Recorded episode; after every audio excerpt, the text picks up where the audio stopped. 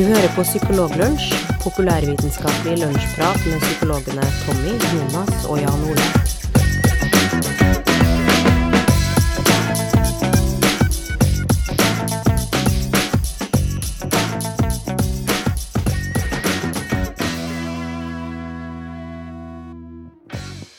Vi nærmer oss sakte, men sikkert episode nummer 100 her i Psykologlunsj. Når det kommer til å skje, det vet vi ingen verdens ting om. Men dette er i alle fall en episode. Hvis vi kommer oss til 100, så er dette en av de episodene. Med meg i dag har jeg Jonas Våg og en som heter Tommy Mangerød. Begge befinner seg i Trøndelag. Begge har nære relasjoner til både Sør- og Nord-Trøndelag. I begge disse fylkene så har det seg sånn at været ofte er eh, litt dårlig. Er det regner det hos dere nå? Ja. Ja, det er vel det i dag. Det er Utrolig nok så regner det jo her på solkysten i Drøbak eh, også. Oi. Og det fikk meg til å tenke på Jeg følte at det var litt kjipt at det regna i dag. Og så kom jeg på en studie som jeg leste for ikke så lenge siden, hvor de så på sammenhengen mellom humør og vær. Å ja. Og vet dere hva de Vet dere hva den studien fant ut, eh, gutter? At det er, dårlig, det er dumt å bo i Trøndelag. Det var sikkert hovedkonklusjonen. Det vet jeg ikke.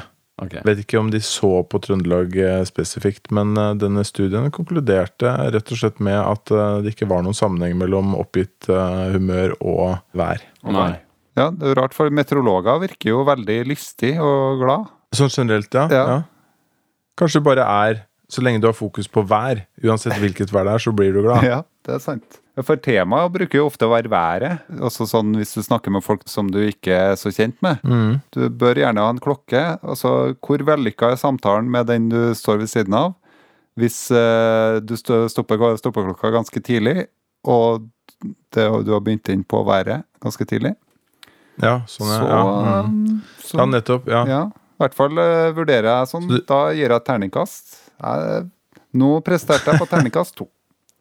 Hvis, eh, hvis det er innafor ett minutt at vi går på været. Ja, så du tenker rett og slett at uh, samtaler om været gjør, uh, gjør den psykiske helsen jevnt over bedre?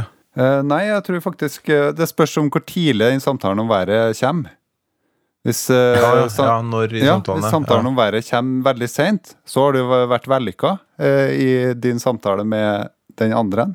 Hvis den kommer oh, for tidlig, så kan du gå hjem og gruble og tenke på om hvorvidt det, det temaet du tok eh, opp i utgangspunktet, var ganske kjedelig, for været dukka opp som et tema tidlig. Mm. Nå har vi snakka veldig mye om været, gutta. Ja, nå, nå, det, det sklei litt ut. Hovedpoenget her var i hvert fall at eh, den, den studien som jeg eh, snakker om nå, som jeg ikke helt husker tittelen på, den så nærmere på været og konkluderte med at det ikke var noe signifikant forskjell på humøret ditt knytta til forskjell om det var regn eller om det var uh, sol. Mm. Tommy? Ja, nei, en fin sånn passer inn i myter om alt mulig annet rart. eh, tror jeg at eh, Sånn som det med det som vi har snakka om før, at søvn, og om du tenker at du har sovet dårlig, så vurderer du da, dagen som dårligere, sjøl om du egentlig objektivt sett ikke har sovet dårlig. Du bare har fått beskjed om at du gjør det. Nettopp. En slags uh, nose, omvendt eh, placebo slash nocebo-effekt av eh, manglende søvn. Men en sånn liten hjelp mot uh, altså, eh, det å være eh, Det å ha en masse negative tanker og være litt sånn smådepressiv og sånn, handler jo mye om at du eh, tilbringer veldig mye tid i eget hode, og med veldig stort fokus på det som skjer innvendig. Det gjør det. Og i Trøndelag har vi jo fire årstider i løpet av Ja. en dag, sant? så det hjelper på å holde ytre fokus. Altså sånn, Det er hele tida forandringer som gjør at du får et ytre fokus. Da. Så kanskje det er med å kompensere for, eh, for ubehag, rett og slett. Evne å rette fokuset litt innover på dine egne tankeprosesser. Mm. Og være bevisst at du er til, på en måte. Sant? Wow. Ja, Litt uavhengig av det som skjer rundt deg. Mm. Aha. Det ligner jo veldig på sånn uh, mindfulness, eh, Jonas. Et frampeik. Ja, sant. Ja, Ja. Skulle ønske noen i dag kunne prate om det. Jonas skal snakke om uh, mindfulness i dag. Og Tommy skal snakke om uh, stress på jobben.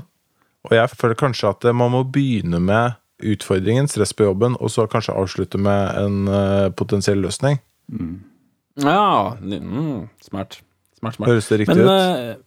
Ja, det kan du si, men um, det som er litt morsomt, er at um, Frankrike er allerede foran deg på det, Jan Ole. Oi. Ja. Ja. Fordi eh, fra 1. januar av så har Frankrike eh, innført og, og satt i, til verks en ny lov som forbyr um, Det er egentlig ikke riktig å si forby, men Stress på jobben? ja, forbyr stress på jobben utafor arbeidstid. Oh, Ok, ja.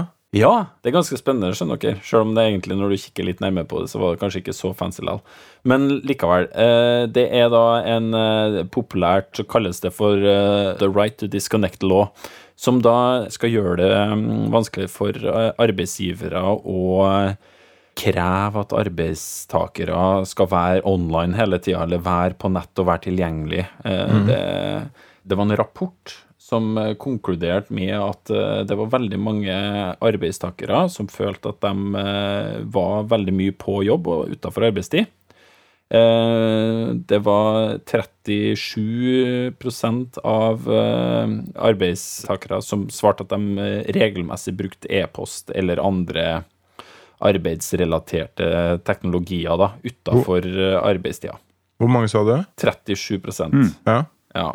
Og det var også en annen undersøkelse som da eh, hadde funnet at det var veldig mange 12 da, av eh, franskmenn eh, som var i jobb og følte at de var utbrent. Og at man tenkte at det kanskje hadde noe med at man må være tilgjengelig hele tida. Mhm. Ja. Hvorfor tenkte man det? At det Ja, jeg vet ikke hva dere tenker om Vi kan jo ta det først, da. Altså, Ja. eh, det, det er jo liten tvil egentlig om at uh, tilgjengelighet til jobb er noe som har forandra seg over tid. Det kan man jo være ganske sikker på at det har gjort. Ja, ja. Eh, Det med å være tilgjengelig med e-post og, og sånt noe. Jeg vet ikke hva dere tenker om, om den utviklinga her. jo. Nei, At det er en tendens, er jo litt vanskelig å underslå. Altså, Muligheten er jo i hvert fall der, og det er jo ikke tvil om at mange benytter seg av det. Mm. Det var jo litt annerledes da studentene møtte opp på f.eks. For, for meg som jobber på universitetet. da, At eh, studentene eh, møtte opp enten på kontordøra eller sendt brev. Sant? Ja, Sendt brev, for dem, eh, det var jo et e-post langt tilbake i tid. sant? Og man gikk heller ikke rundt med smarttelefoner og eh, kunne nås med på nyere teknologi som eh, SMS og, og MMS. Så det har jo skjedd en drastisk utvikling med at vi er jo hele tida sånn teknologisk eh, eh, tilgjengelig, da. Så det er, jo, det er jo ikke bare at arbeidsgiver styrer det, men det er jo enhver sånn Hvis man jobber i et type serviceyrke eller et yrke som handler om at du har kontakt med enten det er studenter eller kunder eller eh, pasienter, og for den saks skyld så har man jo et potensial om å kunne bli kontakta. Ja. Og det var jo ikke der før. Mm. Og det handler jo kanskje om ens egen sånn innstilling til det òg. At når man først er tilgjengelig, så er det jo noen som er frista til å svare på dette her fremfor å legge det fra seg fram til arbeidsdagen begynner igjen òg. Ja, for at jeg tror det er litt det som er grunnen til at det her har blitt et tema òg, da. Fordi at um, jeg tror ikke det nødvendigvis starter så veldig ofte med at en arbeidsgiver krever at en arbeidstaker skal være tilgjengelig hele tiden. Men muligheten er der, ikke sant? Og så kanskje noen syns det er litt fancy å kunne gjøre det og ha jobb e-post, og så blir det etter hvert en sånn forventning, og så har man nå da funnet ut at hvor går grensa når man, altså uten at det er uttalt, føler at man må være tilgjengelig, da? Eh, og det vil jeg tro er noe man lett kan havne Ja. inni, da. Åssen er det med deg, da, Jan Ole, som jobber Jeg kan tenke meg Du har typisk en sånn jobb hvor det er veldig lett å sitte og jobbe utenom arbeidstid, enten pålagt eller eh, av egen vilje. Ja, det stemmer. Og forskjellen er ganske stor fra da jeg jobbet i helsevesenet, vil jeg si. Fordi som psykolog i helsevesenet så er man jo ganske bundet til det journalsystemet man har, og det er jo en god del ting av de oppgavene som kanskje er sånn mest presserende som man ikke får gjort hjemme. Ja, ja. Du må være innlogget i sykehusets datasystem. Mm. Mens der jeg jobber nå, så er det jo Jeg må egentlig aldri være på kontoret Nei. for å gjøre jobben. Og jeg har tilgang på alt jeg har å gjøre hvor som helst. Så det har noen fordeler. Jeg kan sitte og jobbe på bussen, sånn at pendlinga ikke blir så belastende. Men Samtidig så kan jeg jo dra fram jobben absolutt når som helst når det dukker opp eh, en mulighet, og det er jeg kanskje litt dårlig på å regulere. Det vil jeg si. Ja. Enn du da, Jonas? Jo, jeg, jeg har jo et sånt uh, yrke når jeg driver og forsker, så er det jo sånn uh, egentlig en sånn 24-timers jobb. I hvert fall er det sånn holdning blant forskere om at det er en uh, vanlig ting. Det, at hvis du er på jobben, så får du ikke skrevet de artiklene du skal, eller fordi at du blir så forstyrra av andre typer ting. da. Så du tar med deg gjerne skrivejobben og forskningsjobben hjem, og så blir du sittende med den der. Mm.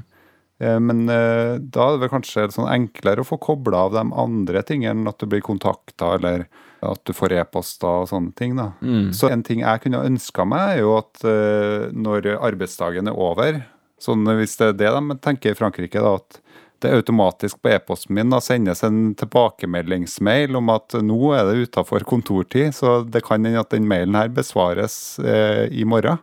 Klokken eh, altså Ja. etter åtte i morgen. Ja, ikke sant? Og det er jo det som eh, Først, jeg tenker etterpå så må vi også snakke litt om um, hva er helseeffekten av å være pålogga hele tida og holde på med det her. Er det noe negativt, eller er det også noe man overdriver? Det kan vi snakke litt om etterpå. Men det er akkurat det der du snakker om, Jonas, som jeg tror kanskje er litt sånn, også litt tanken, da. Det som er akkurat med den her eh, loven i Frankrike, er at ordformuleringa på den ble litt puslete, sånn sett. Og det er sikkert også veldig vanskelig å få skrevet en jobb som så tydelig gir sanksjoner. Da. Veldig mange selskap er, er jo også multinasjonal, ikke sant? Du kan tenke deg hvis at eh, hvis Apple eller Samsung liksom skulle ha begynt å innføre det, så både jo Når du sender ut e-post som går over hele verden, så kan du ikke vite om den blir Når er det den når Ja. fram og ikke. Men det som er faktisk lovteksten, da fordi tanken er jo da at man skal tillate de som tar en eh, jobb, å slippe unna eller få lov til å ignorere eller overse e-poster etter at jobben er over. Sånn at de kan uh, hvile seg og ha fritid og ta vare på personlige interesser og hobbyer og familieliv.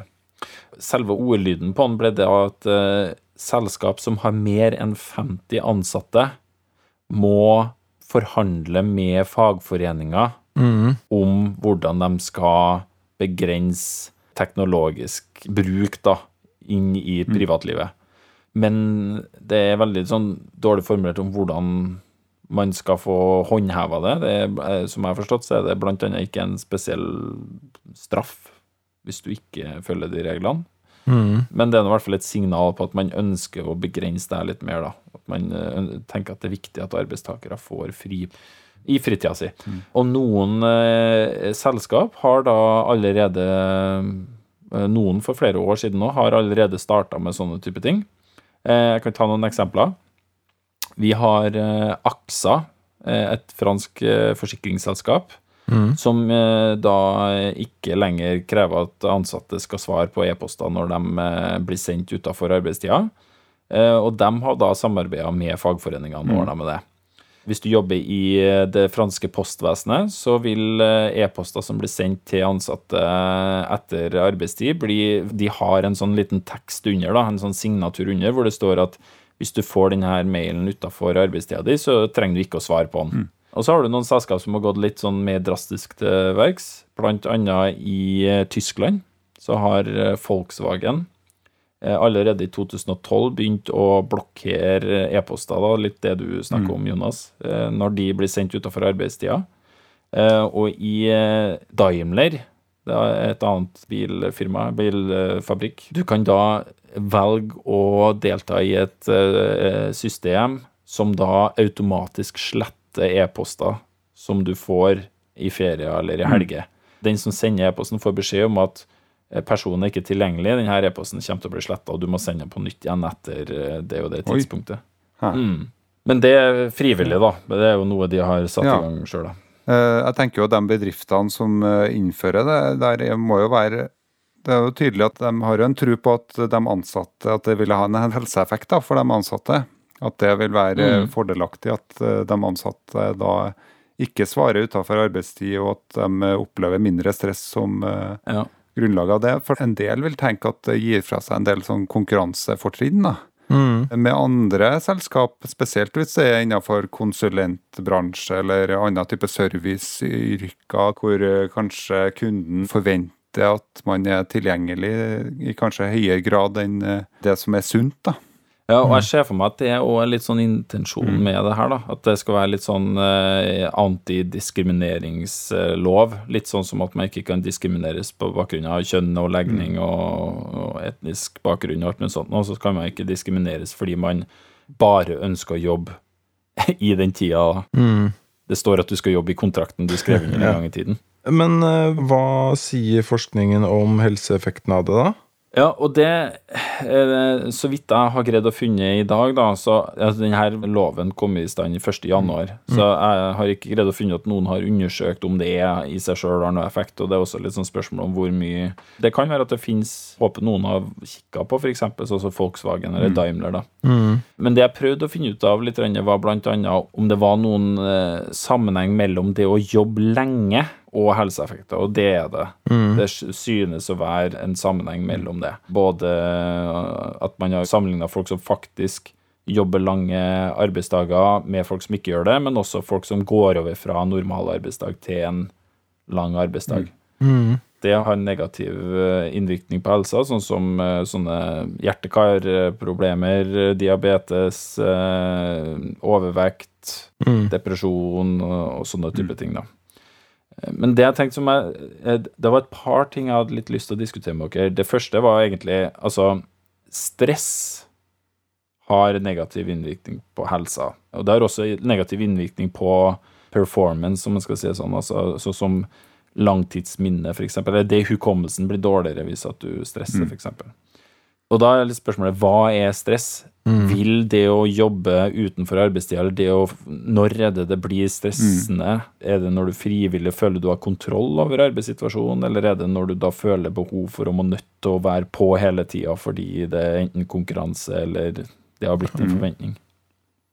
Det var det ene, og så hadde jeg et par ting til. Vet ikke hva dere tenker om akkurat det. Når er det egentlig ting blir problematisk, da? Ja, det er jo ikke helt eh, godt å si, og hva Det er jo ikke veldig enkelt å definere stress heller. altså Veldig mye Nei. av det som på en måte kjennetegner stress, vil også kjennetegne veldig øh, øh, øh, Kanskje engasjement, da, eller innsatsvilje i en periode, kanskje. Sånn, så hvis du har så engasjerer deg veldig og, og fordyper deg veldig i en ting, så vil det kanskje være vanskelig å skille det fra stress. Det er jo ikke alltid det er lett å måle den forskjellen, vil jeg tro. Mm. Og så er det jo noe med varighet. Eh, Det er ikke noe Mm. problem å stresse i to sekunder, antageligvis. Det, må jo, det er en tidskomponent her også som er ganske avgjørende. Ja. Og så er det kombinert med en hel eh, haug med andre ting eh, som blir utslagsgivende faktorer også. For hvis du, hvis du stresser, men du sover godt og har godt kosthold og alle de tingene der, så er kanskje ikke det et like stort problem som hvis alt annet rakner samtidig i tillegg. Det er jo noen eh, fine sånne organisasjonspsykologiske og sosiologiske modeller for stress. da. Det, det er gjerne sånn Du kommer krav, kontroll, støttemodellen til Jonas. Gjerne sånne balansemodeller sant? som sier mm. at stress eh, avhenger av balansen mellom de kravene du møter i arbeidslivet, og Mm. den kontrollen du opplever, da, eller de ressursene du har. Sånn i form av eh, støtte fra kollegaer, lederstøtte, dine egne individuelle, personlige forutsetninger, og at du har opplevd kontroll. Og kanskje opplevd kontroll er kanskje et av de viktigste faktorene. At du har en opplevelse av at du har oversikt og kontroll over de kravene du møter. Jeg tenker at for meg en altså Nå skal jeg relatere det til meg, da. Jeg kunne godt tenkt meg en sånn automatisk svarbeskjed om at nå er det utafor arbeidstid, så dette her eh, kommer kanskje til å bli besvart i morgen. Men jeg, for min del så tror jeg faktisk at den opplevde kontrollen min blir høyere av at jeg vet at nå har det kommet en del mailer i løpet av kvelden. Sånn at når jeg kommer på jobben i morgen, så vet jeg litt hva jeg bør ta tak i. Mm. Mens eh, hvis jeg hadde gått uten å visste om hva som hadde dukka opp i morgen når jeg setter meg med PC-en, og jeg vet at det har vært et, eh, et voldsomt rush rett før jeg slutta, så hadde det kanskje skapa mindre opplevd kontroll hos meg. Så det er et eller annet Men det går an å kombinere de Ja. to òg, da. Du kan jo få vite hvor mange som har sendt til deg og vite hvilke det er, men du vet samtidig at de har fått en tilbakemelding om at du Sant. svarer litt senere. Sant? Men Jonas, det du sier der med de modellene opplevde, eller hva du har av ressurser, muligheten til å, å faktisk gjøre de oppgavene du føler mm. er med på å bidra til det stresset. Det som syns jeg er litt plagsomt med en del av de modellene der, er at det, de begrepene som brukes, er ikke gjensidig utelukkende alltid. Så opplevd kontroll og altså tilgang på ressurser, eh, begrepet stress, de er litt sånn overlappende. De er ikke uavhengige av hverandre alltid. Nei, men i den balanse... Så- så må- altså, i den krav-ressurs-modellen, da. Altså, teorien er jo at uh, altså, de har to svære kategorier sant, som du prøver å plassere ulike faktorer som spiller inn uh, med tanke på stress. Altså, eller egentlig så er den modellen uh, med utgangspunkt i utbrenthet kontra engasjement. da.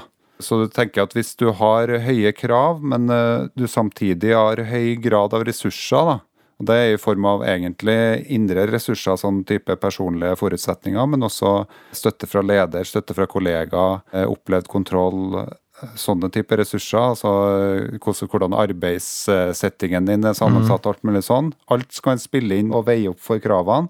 Så vil høye krav og høy grad av ressurser medføre engasjement. Så det er en interaksjon mellom de to eh, store faktorene, på et vis. Men hvis du har lav grad av ressurstilgang, da, og så har du høye krav, så vil det ha et negativt utfall i stedet. Eh, og kravkontroll-støttemodellen er jo enklere, fordi at den definerte jo tre enkle element. Altså krav gikk ut på jobbkrav. Altså se for deg den tradisjonelle fabrikkarbeideren som står ved samlebåndet. Hvor mange kasser er det som kommer mot deg, og hvor mange skal du sjekke? Det er liksom jobbkravene. Og så var støtte det var hvor mye støtte fikk du fra kollegaene emosjonelt, og hvor mye ofte kom lederen og sa at nå ser jeg at vi må redusere kravene, eller vi må tilpasse det her for deg. Og så var det at du sjøl hadde nok autonomi, altså medvirkning overfor det som skjedde, altså tilgangen til arbeid. da. Og at, mm. ja, Så den opplevde kontrollen gikk egentlig på medbestemmelsesrett, på et vis. Også litt sånn om hvor godt kjent du var Ja. med arbeidet som skulle gjøres, og at du hadde faglig kunnskapen Ja, om det og visste hva du skulle gjøre. Kompetanse, på et vis, ja.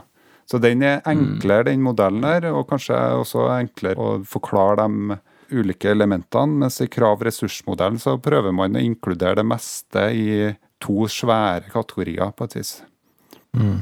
Men det her er jo også noe av det som har vært litt kritikken mot denne loven her da i Frankrike. Altså om myndighetene da forsøker å kontrollere for mye av hva arbeidstakere og arbeidsgivere skal holde på med seg imellom. da. Og at det å prøve å regulere enhver ting kan være vanskelig.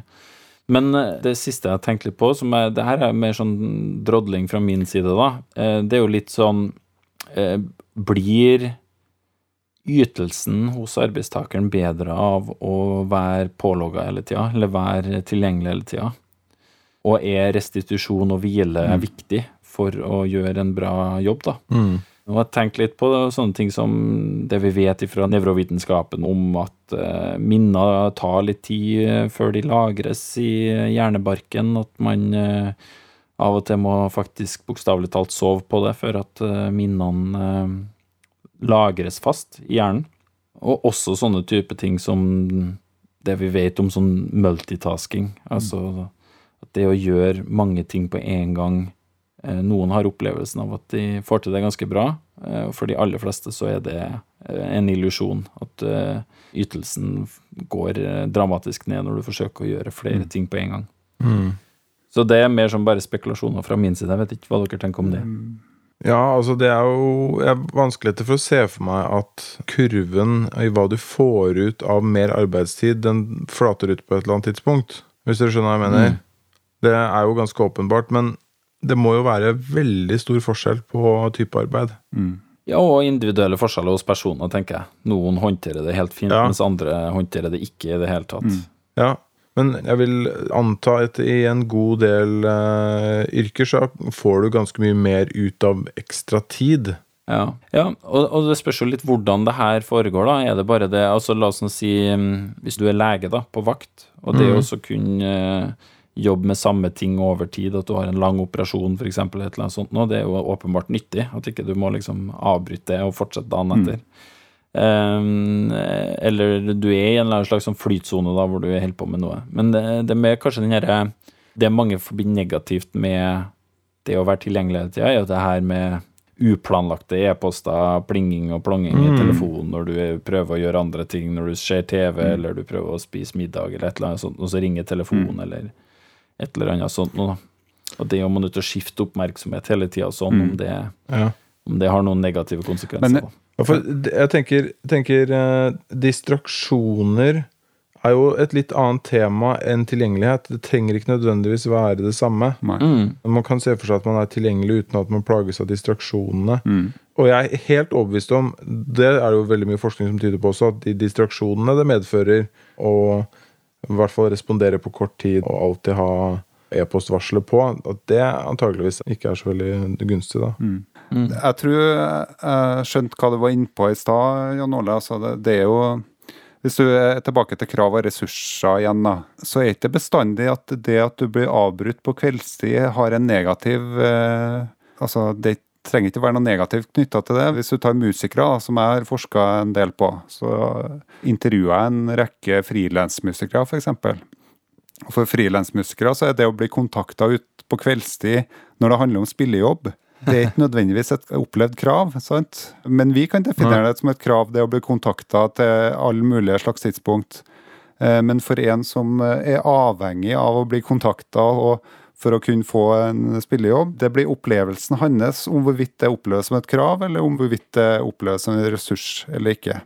Og det samme også med Mm. Altså, hos frilansmusikeren så er det ofte sånn at det er andre ytre eh, faktorer som spiller inn. Da.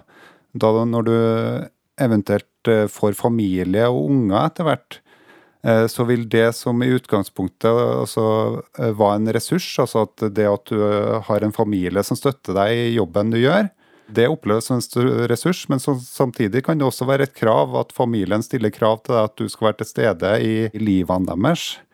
Og det forstyrrer jobben din, og så havner du i en sånn eh, avveining om altså, hva er viktig for deg. Det er viktig for deg å være der for familien din, og da må gi fra deg noe av de jobbkravene. Eller mm. må du gjøre en avtale med familien at nå må jeg forsømme noen områder her, sånn som eh, jeg kan ikke dra i den bursdagen fordi at jeg må ta på meg den spillejobben, eller sånne type ting. Da. Sånn at innenfor ethvert yrke så vil det være forskjellig hva som er krav og hva som er ressurser.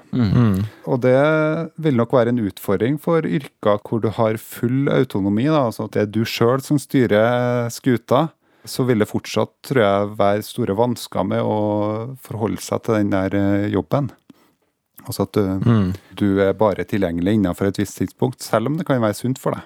Det som i hvert fall eh, er viktig å understreke her igjen, er jo det at um, her var det jo en lov som var satt inn for eh, bedrifter med mer enn 50 ansatte. Og at eh, jeg tror kanskje intensjonen er litt det her som er sånne sånn Ja. da. At man ikke kan i hvert fall um, bli vurdert som en dårligere arbeidstaker hvis man velger å avstå fra å arbeide når arbeidstida er over. Og det handler jo kanskje om eh, sånne yrker hvor f.eks. så jobba jeg i et yrke tidligere hvor man kunne bli kalt ut på vakt. Og da blir du jo kontakta av den grunn at du skal på jobb. Og da hadde du hele tida sjansen, altså det var sånn innforstått i det yrket at du kunne bli kalt ut på vakt når som helst hvis det var mangel på personell. Så sånne type avtaler skaper jo litt sånn uh, grunnleggende uh, usikkerhet hele tida, da. Som jeg tenker i enkelte typer yrker så vil det nok den usikkerheten være eh, større enn hos andre. Og da snakker man jo om det å bli kontakta for å gjøre at du må tilbake på jobb, og, gjøre, og det krever mye mer, altså enda mer energi av deg. Så jeg tenker, Vi har jo diskutert dette gjerne ut ifra et sånt eh, kunnskapsyrkesetting, men eh, det er jo mange andre yrker hvor man kan bli kontakta, og hvor det innebærer mye mer arbeid enn eh, kanskje å bare ha svart på en e-post eller ha tatt en telefon. Mm. Det er sant. Men det er jo det er et veldig stort tema som vi sikkert kommer tilbake til. Det sier vi veldig ofte uten at vi kommer tilbake til det. Men jeg skulle nesten ønske at det fantes noen teknikker for å håndtere alt dette stresset her. Eh, Gjør du det, Jonas? Eh, ja, det gjør vel kanskje det. Altså eh, mindfulness, som jeg skal snakke om, altså en eh, type teknikk, eller egentlig en eh, type holdning man har til Altså man, trener seg på en måte å forholde seg til tanker, følelser og eh, hendelser rundt seg. På en vis måte. Man har hørt om mindfulness. Jeg ser for meg at de fleste som hører på denne podkasten, har fått med seg at det er noe som heter mindfulness. Som er en sånn slags eh, meditasjonsform, da. Som har eh, sin rot i østlig tenkning. Det jeg skal snakke om, er ikke mindfulness knytta til stress. Selv om mindfulness i utgangspunktet har tenkt å være knytta til stress. Jeg skal snakke om mindfulness knytta til empati. For det har vært en del studier tidligere som har eh, rapportert at mindfulness kan være bra for empati. Altså at du blir mer bevisst på dem rundt deg og deres uh, mentale Altså deres uh, følelser og handlinger og hva de tenker i ulike situasjoner. Altså at man tenker at mindfulness gjør deg mer bevisst på andre, da. Og hvordan de andre mm. har det. Da har det kommet en hel rekke uh, forskjellige studier som har vist at det, det ser ut til å være en sammenheng mellom at man trener seg opp i mindfulness, og så påvirker det eh, måten du klarer å lese andres emosjonelle uttrykk, og, og at det også medfører mer prososial atferd. Mm. Men så leste jeg en interessant studie nå eh, som eh, ble gitt ut i januar i år. Som testa ut fordi at i senere tid så har det også kommet studier som har hevda at en femminutts øvelse i mindfulness påvirker også deg sjøl og din evne til å lese andres eh, følelsesmessige uttrykk. Eh, at du følelsesmessig og eh, er mer empatisk knytta til den personen, og at det øker prososial atferd. Så det med fem minutter nok, mm. på et vis, har de studiene referert til. Jeg lurer på om vi har vært inne på dem tidligere òg. Eller i hvert fall vi har snakka om det i en episode.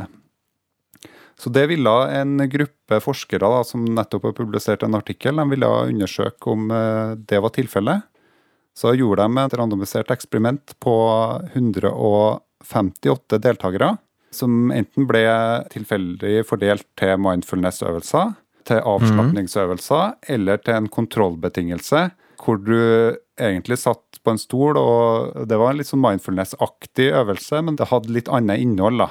Så det skulle være en kontrollbetingelse. I tillegg til det så målte de eh, grad av autistiske trekk okay. hos deltakerne.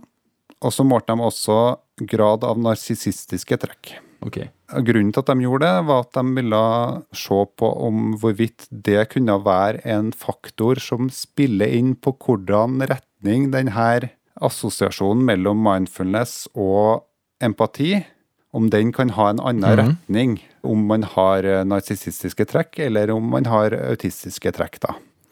Når de undersøkte denne, eh, altså de ulike tre betingelsene, så undersøkte man empati med form for mind reading. Altså det er egentlig en test hvor man ser på bilder av øya i svart-hvitt. Mm. Og så skal man eh, tippe hvilken humørtilstand vedkommende er i utvikla av mm. Simon Baron Cohen. Og den har vi snakka om. Det er en sånn uh, 'reading the mind in the eye'-test. Mm. Utover det så undersøkte de også testa de deltakerne på noe som heter Cyberball. Det er et uh, nettbasert spill hvor uh, deltakerne får høre at det er tre andre som spiller det her spillet. Og det handler om å kaste ballen til ulike deltakere. Og så I det spillet så er det én deltaker som aldri får ballen. Det tror jeg også vi har snakka om Eller, i en episode. Ja, Som sjelden får ballen. Mm. Og da er det Det man måler, er om hvorvidt det påvirker deltakeren til å gjøre en prososial eh, atferd, og det å kaste den ballen til den deltakeren flere ganger. Mm. Og så målte de også affektiv empati i form av at de deltakerne fikk også en mulighet til å sende en mail til den eh, til den eh, personen som fikk lite baller, da. Det var jo ikke en person, det var jo et dataprogram, sant. Men så satt det noen og reita den mailen om hvorvidt den var mer sånn empatisk utforma, eller om hvorvidt den var mer sånn halla hvordan Altså, ja. Uh, interessant studie. De fikk altså da fem minutts eh, mindfulness eller andre gruppa fikk fem minutts avslapping. Den tredje fikk fem minutts kontrollbetingelse, altså litt sånn tulle-mindfulness, da, i hermetegn. Mm. Det de fant ut, eh, hva tror du de fant, da? Var det noe forskjell på de tre gruppene i empati, både kognitiv og affektiv, og prososial atferd? Hva tror dere? Ja, jeg tror det var en forskjell. Hvis ikke så hadde vi kanskje ikke snakka om det her. Nei, det var ikke det. Det var ikke noe forskjell mellom Men, gruppa. Var det ikke det? Og det, det, er jeg, det er faktisk derfor jeg snakker om det, for det er litt artig. Det kommer en studie som sier at nei, det er ikke noe forskjell mellom de tre gruppene. Så fem minutts mindfulness-øvelse Ifølge denne studien så virker ikke det å ha noe Altså, det, det virker ikke å påvirke deg til å gjøre mer omtenksomme ting, da, for den andre. Mm. Men en av grunnene til at jeg snakker om det, er at det er litt interessant det med grad av autisme og grad av narsissistiske trekk. Mm. Fordi at denne gruppa da, med forskere de mener da å ha funnet, og presenterer tall på det også, eh, men det her er jo en enkeltstudie, så det er jo viktig å ta det med en klype salt. og det er også litt interessant om hva var dette noe de hadde tenkt i utgangspunktet, at den assosiasjonen skulle være sånn og sånn. Men det de har funnet ut, Mm. er at altså i den gruppa som gjennomførte den fem minutts mindfulness-øvelsen, så så man at dem som scora høyt på narsissistiske trekk, scora lavere på empati sammenligna med de andre. Ja. Sånn at det virka som at mindfulness, altså sånn hvis man skal ta det tabloid, da, så virka det som at mindfulness ikke var så hensiktsmessig for den gruppa hvis man skal ha empati som utfallsmål. Mm. Mm. Men det er jo viktig å, å tenke at dette er en fem minutts eh, mindfulness-øvelse. De har, de har gjennomført en hel rekke eh, ulike tester på datamaterialet sitt. Og det var heller ikke en assosiasjon som de hadde forventa å funnet.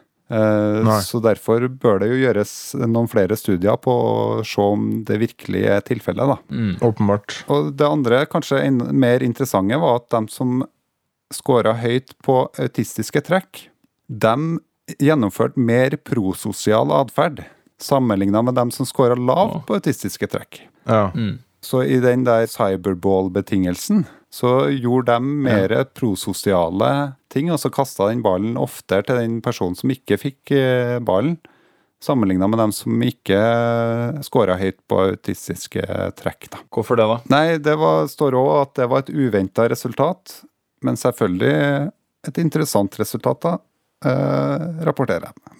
Så det tror jeg nok også kan være noe som eh, man kan undersøke videre, før man kan si noe for sikkert om det. Det første jeg ville undersøkt der, var hvordan målte de autistiske trekk, som ikke nødvendigvis trenger å være samsvarende med autisme spektrumsforstyrrelse, ja. vil jeg gjette på. Da brukte de en test som heter AQ, Ok, de gjorde det. så, som er en sånn form for screeningtest. da. Mm. Mål på narsissistiske trekk var noe som het Narcissistic Personality Inventory, som består av 18 spørsmål. Så de, de har nå i hvert fall brukt eh, screeninginstrument som er ganske, som er ganske kjent, altså. Mm. Men det er jo en utfordring med alle disse studiene. Er jo, det er litt begrensa hva man kan trekke av slutninger om det på det stadiet der.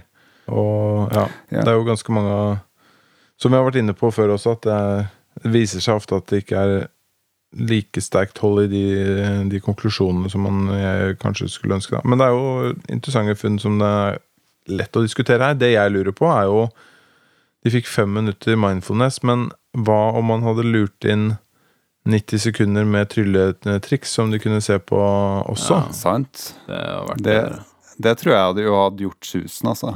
Tror jeg. Det hadde, kunne jo ha gjort noe med læringsutbyttet av den mindfulness-økten, i hvert fall.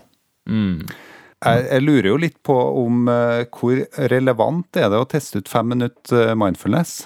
Men det de argumenterer for i artikkelen her, da, er jo at uh, det er jo andre artikler som har hevda at fem minutter mindfulness funker for empati. Mm. Så det er jo like relevant å da teste ut det på en stor antall deltakere og se om, om hvorvidt det holder. Og da eh, rapporterer de ut nullfunn, egentlig.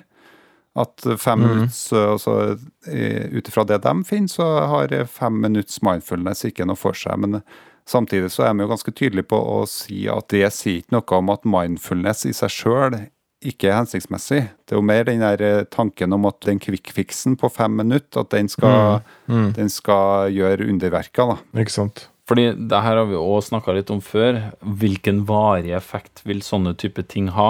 Eh, Vi var litt inne på det en gang vi snakka om eh, voldelige TV-spill eller voldelige dataspill fører til mer voldelig atferd. Og at det har omtrent samme effekt som Eller det påvirker deg omtrent like lenge eh, som det å fortelle en vits gjør deg glad, eller gjør deg mindre deprimert, om en skal si det sånn. Det, det forandrer lite sånn eh, langvarige ting, da. Det er også en stor utfordring, selvfølgelig. Men eh, dette blir helt sikkert ikke siste studien om eh, mindfulness. Eh, Dette er en av mange så langt, og så kommer det helt sikkert flere. Og så får vi vente på de store systematiske oversiktene som ser på effekten av eh, forskjellige mindfulness-intervensjoner eh, når det kommer. Ja.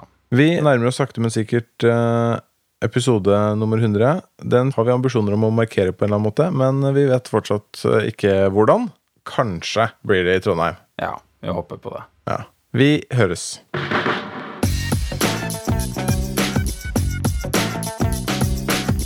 Du har nå lytta til Psykologlunsj. Har du noen spørsmål, kan du søke opp Psykologlunsj på Twitter, eller du kan sende en e-post til psykologlunsj alfakrøll gmail.com. Mer informasjon om temaet du har hørt i dag, finner du på psykologibloggen.no og tankesmed.no.